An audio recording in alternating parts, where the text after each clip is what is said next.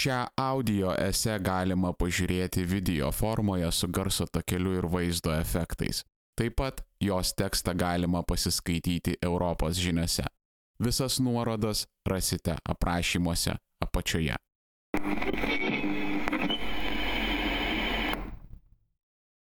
Nepaisant viso žmonijos progreso, nuo užsmailintų pagalių iki raketų mokslo, yra dalykų, kurie niekada nesikeičia.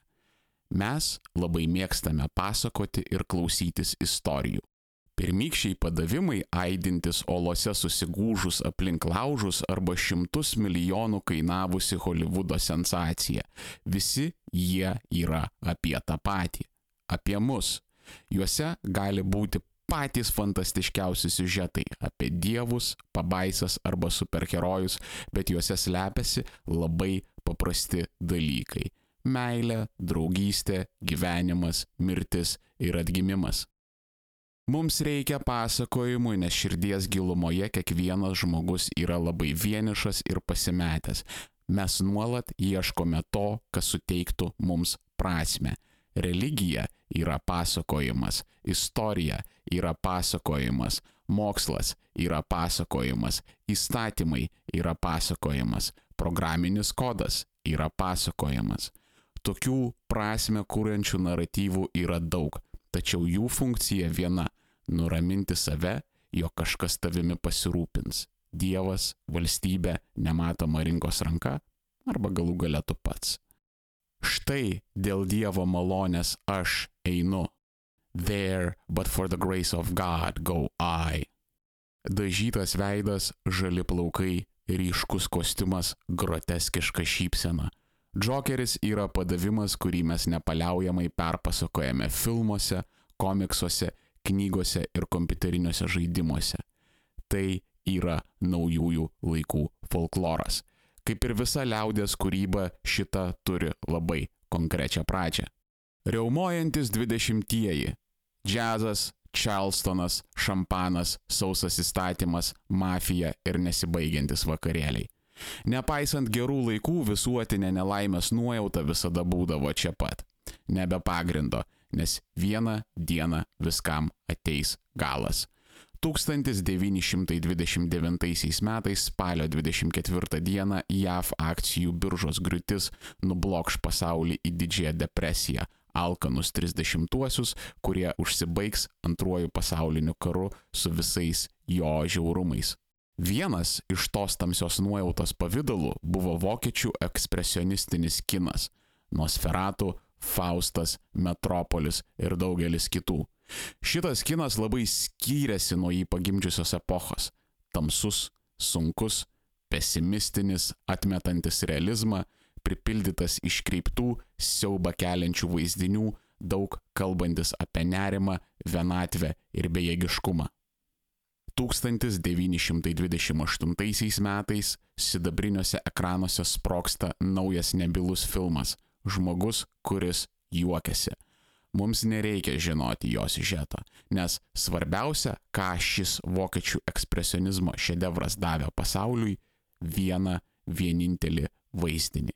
Iki skausmo išsišiepusi aktoriaus Konrad Fait veidą, kuris sukrėtė ištisą kartą žmonių ir įkvėpė visą grupę naujų košmarų. Kartais į kūdrą paleistas akmuo gali duoti labai toli siekiančius ratilus. Vienas tokių nuraibuliavo iki pat 1940-ųjų Amerikos.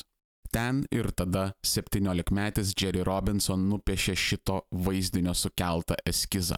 Žmogžudiškai išsišiepusi juokdari, šalia jo veido kabo tos būtybės vardas - Džokeris. Vėliau šitam vaizdiniui bus sugalvotas pasakojimas. Komiksų puslapiuose Džokeris bus išprotėjęs brangenybių vagis, žudikas, savo aukas kankinantis Džokerio nuodais, kurie žudo palikdami žmonės su nuolatinės vypsenos perkreiptais veidais. Kuriejų sumanimuose Džokeris turėjo būti dar garsesnio personažo - Batmano, trumpalaikis priešininkas. Tačiau šitas veikėjas buvo toks sėkmingas, kad jis iki pat šių dienų išlieka žmonijos kolektyvinėje sąmonėje. Džokerio istorijas ir pavydalus kūrė legionas menininkų. Slenkant metams, dešimtmečiams, epochoms ir eroms, Džokeris linkosi kartu su jais. Kultūra yra procesas, kuris keičiantis kartoms į senus simbolius įdeda naują prasme. Nesibaigiantis bandymai perpasakoti Sherlocko Holmeso, Undinėlės, Rolando Pakso, Drakulos, Karaliaus Arturo, Zoro, žmogaus voro ir pelenės istorijas yra būtent apie tai. Savo kelionės pradžioje Džokeris buvo lygiomis dalimis serijinis žudikas ir juokdarys. Galbūt tai buvo aluzija į kažką. Galbūt šis teatrališkas nusikaltelis buvo metafora Eurazijos diktatūroms, kurios elgėsi lygiai taip pat komiškai, bet kėlė siaubą tuo pat metu. Turbūt niekada to nesužinosim. 1941 metais Junktinėms Amerikos valstijoms įsitraukus į antrąjį pasaulinį karą keitėsi ir Džokerio charakteris. Karo metais žmonės nenori gazdinančių pasakojimų. Jie nori paprastų, šviesių žinučių, kurios galėtų praskaidrinti slogę realybę apkasuose ar po sunkaus darbo šaudmenų gamykloje. Kuriejai tą pajuto ir Džokeris persikūnijo į nepavojingą ir įkyrų niekšelį. Pasibaigus karui, JAV dėl to, ką skaito jaunimas, kilo moralinė panika, kuri pagimdė privalomus elgesio standartus komiksų herojams. Dėl šito jie tapo sterilus, lengvabūdiški ir perdėtai pamokslaujantis visai kaip sovietinė animacija. 1966 m. Paikas Batmano serialas yra būtent tų taisyklių rezultatas. 30 metų Džokeris išliko publiką linksminusių klaunų, bet senasis, brutalusis, žmogžudiškas, sociopatinis Džokeris niekur nedingo, jis tiesiog laukė savo eilės pasirodyti. Ekonomika yra chaoso variklis ir tuo pačiu jo stabdis. Kada jį auga, o tas augimas jaučiamas daugumos, chaoso mažėja. Kada jį traukiasi ir koncentruojasi siauros mažumos rankose, chaoso daugėja. 1945 metais prasidėjusi visą vakarų pasaulį užvaldžiusi klėstėjimo ir ekonominės gerovės banga, 60-ųjų pabaigoje netikėtai atslūgo. Chaosas pradėjo sėlinti į žmonių gyvenimus. Atėjo neramieji 70-ieji, nesantaikos, pykčio ir nerimo dešimtmetis. Jis mums davė naują džokerį, tiksliau, naują seną džokerį. Nebeliko vaikiškų pokštų ir paikų nuotikių, grįžo smurtas, prievarta ir chaosas. Tos metamorfozės taip ir nesustojo. Šiandien Džokeris yra nebe žmogus, nebe personažas, jis yra siautėjanti gamtos jėga. Niekas nesupranta jo motivacijos, visai gali būti net jis pats. Tas blogis, kurį jis kelia aplink save, egzistuoja vien tik tai tam, kad egzistuotų. Džokeris yra sumaištis, Džokeris yra smurtas, Džokeris yra baime, Džokeris yra siaubas. Jis neturi tikslų, o tomis retomis išimtimis, kada jų yra, jie apleidžiami taip pat greitai ir spontaniškai, kaip ir atsiranda. Džokeris yra sulaužytos psichikos personifikacija, iškankintos, išniekintos, visą žmoniją sunaikinti norinčios pagėžos ciniška projekcija. Dažnas pasakojimas yra Džokerio ir Batmano dualizmas. Džokeris yra Hosas, Batmanas tvarka. Labai dažnai Džokeris daro viską, kad Batmanas peržengtų vienintelį nelaužomą savo principą - niekada, jokiomis aplinkybėmis netimti gyvybės. Gali būti, jog tokiu būdu mėginama kalbėti apie pasaulio demokratijoms dėl globalinio terorizmo ir augančio vidinio radikalizmo iškilusias dilemas. Ar verta paminti savo principus, kad būtų sustabdytas chaosas, o juos pamynus, ar yra kelias atgal. Su laikais keitėsi ne tik Džokerio charakteris, bet ir jo keliamas pavojus. Jis jau seniai nebeplešia bankų ir juvelyrinių parduotuvių. Iš pavojingo nusikaltelio jis išaugo į charizmatišką blogą genijų.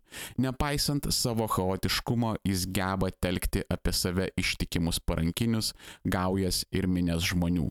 Pinigai, gale ir įtaka jo seniai nebedomina, nes Džokeris labiausiai nori visuotinės sumaišties. Jis yra tarsi chaosų mintanti ir kvepuojanti būtybė. Nesuvaldytas Džokeris beveik visada progresuoja į nesibaigiantį terorą, anarchiją gatvėse ir jomis žygiuojančius Džokerio gaujos narius. Džokerio personažui keičiantis kartu su laikais, viena niekada nesikeičia.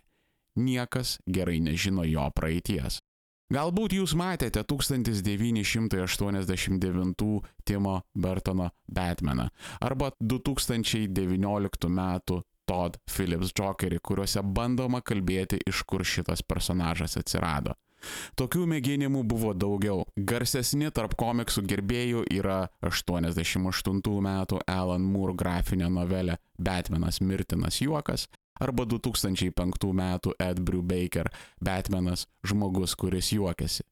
Ir tai dar ne viskas. Džokerio istorija buvo pasakota ir perpasakota tiek kartų, kad yra atsiradę devynios galybės jo inkarnacijų. Yra Džokeris kompiuterinis virusas, yra Viktorijos laikų Džokeris, yra ateities Džokeris, egzistuoja net alternatyvi Džokerio versija, kuri yra moteris. Ir ne bet kokia moteris, o Marta Wayne, tikra Batmano motina.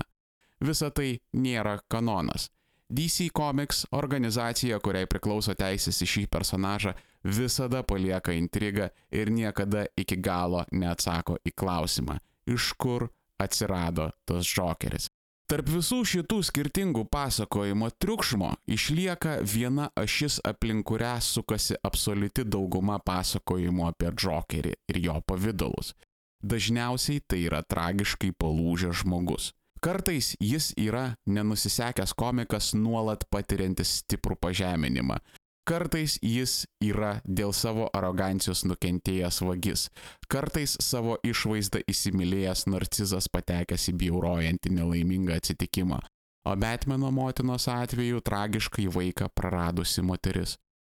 Džokeris yra apie mus pačius, dalis mūsų kolektyvinės pasąmonės ta dalis, kuri pasirodo tik po labai didelių sukretimų. Kartais gyvenimas gali prislėgti taip negailestingai, kad kažkas ten labai giliai tiesiog lūšta, o pro plyšius prasiveržia tai. Per amžius tai turėjo labai daug vardų - chaosas, blogis, šetonas, velnės, demonai, kas tik norit. Bet tai savo esmę yra labai sunkios traumos iššauktas disfunkcinis elgesys. Ar tai būtų chaotiškas Džokerio blogis ar vieno Austrijos dailininko nuniokota Europa, arba tiesiog tos privačios akimirkos, kurių esame patyrę visi, kada norėdavosi sudeginti pasaulį ir garsiai kikenti, žiūrint, kaip viską glemžiasi liepsnos. Kartais taip nutinka, kad gyvenimas imituoja meną, Menas visada buvo ir bus visų pirma apie žmonės, todėl tame nėra nieko keisto. O tarp žmonių čia realybėje vaikšto legionas tikrų džokerių.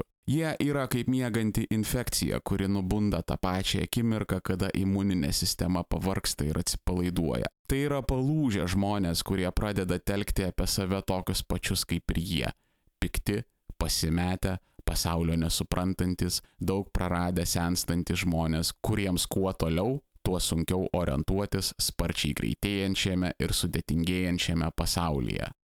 Šitie džokeriai turi savo ideologijas, šūkius ir reikalavimus, bet dažnai tai būna kažkoks padrikas minčių kratinys. Lygiai kaip senberniai, senmergės ir tris kart išsiskyrę elementų nemokantis iš teismų neišlendantis plevėsos einantis ginti tradicinių šeimų, arba Marksą cituojantis pasiturintis didmešių leftistai, arba viešojo sektoriaus libertarai.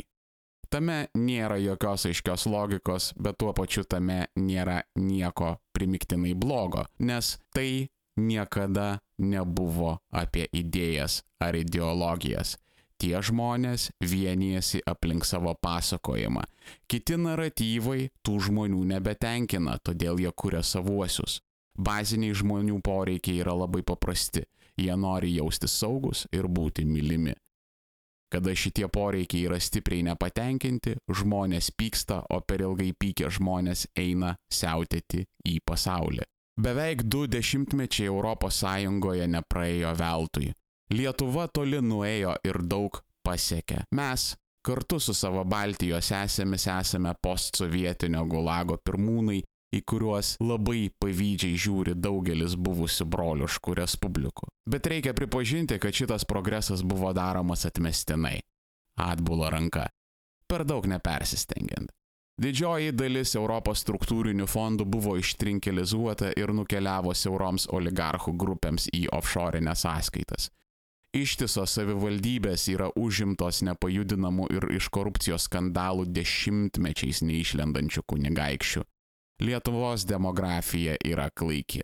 Provincija merdi ir išgyvena iš centrinės valdžios numetamos europinės pašalpos malonės, kurios didesnę dalį įsisavina vietos feodalai. Glamūriniais 2000-aisiais dar buvo gyva iliuzija, kad jeigu tu gerais pažymiais baigsi mokyklą, universitetą ir labai stengsiesi, tu gyvenime turėsi viską.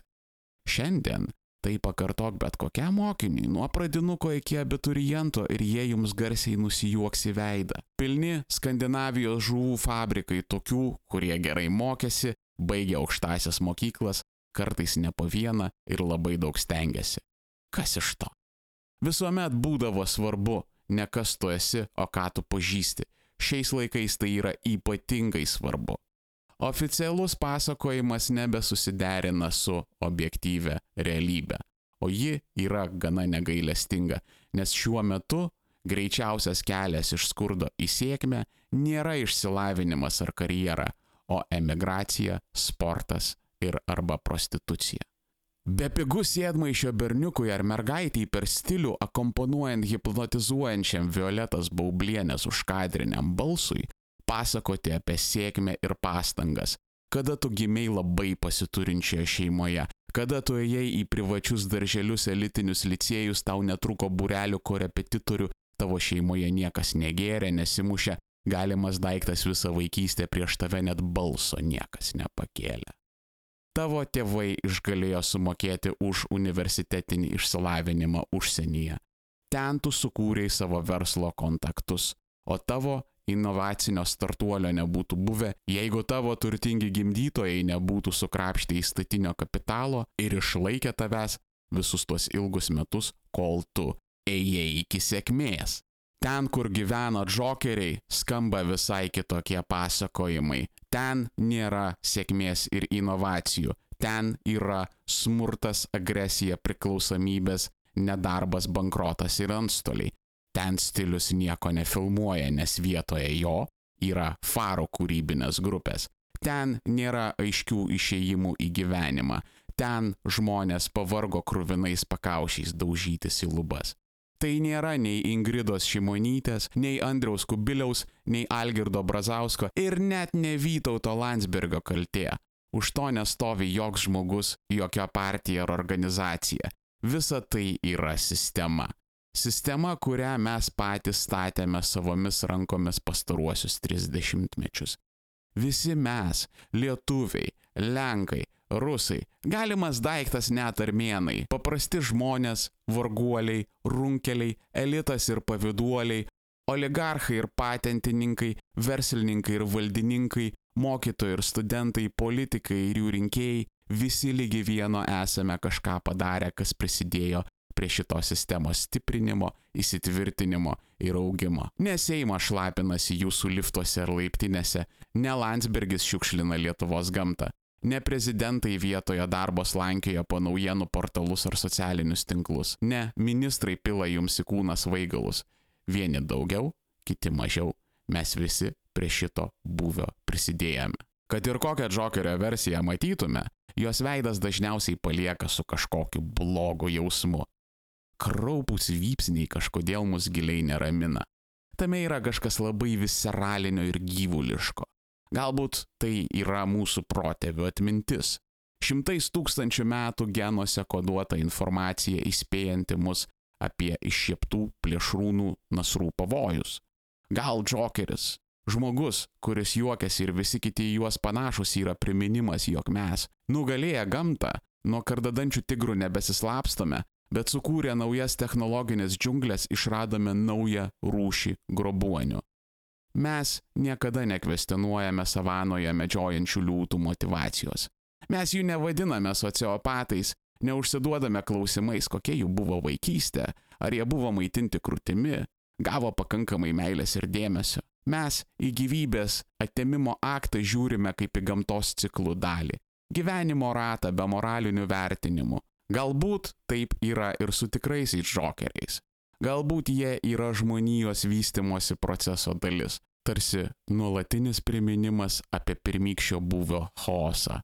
Tai, kas nutinka, kada pasakojimai nustoja veikti. Armėno radijas auga ir tai vyksta jūsų dėka.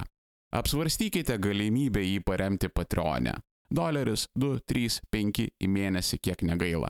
Priklausomai nuo jūsų paramos lygio, jūs matysite būsimųjų epizodų anonsus, ankstyvo turinį, atsakymus į jūsų klausimus ir daugybę kitų privilegijų.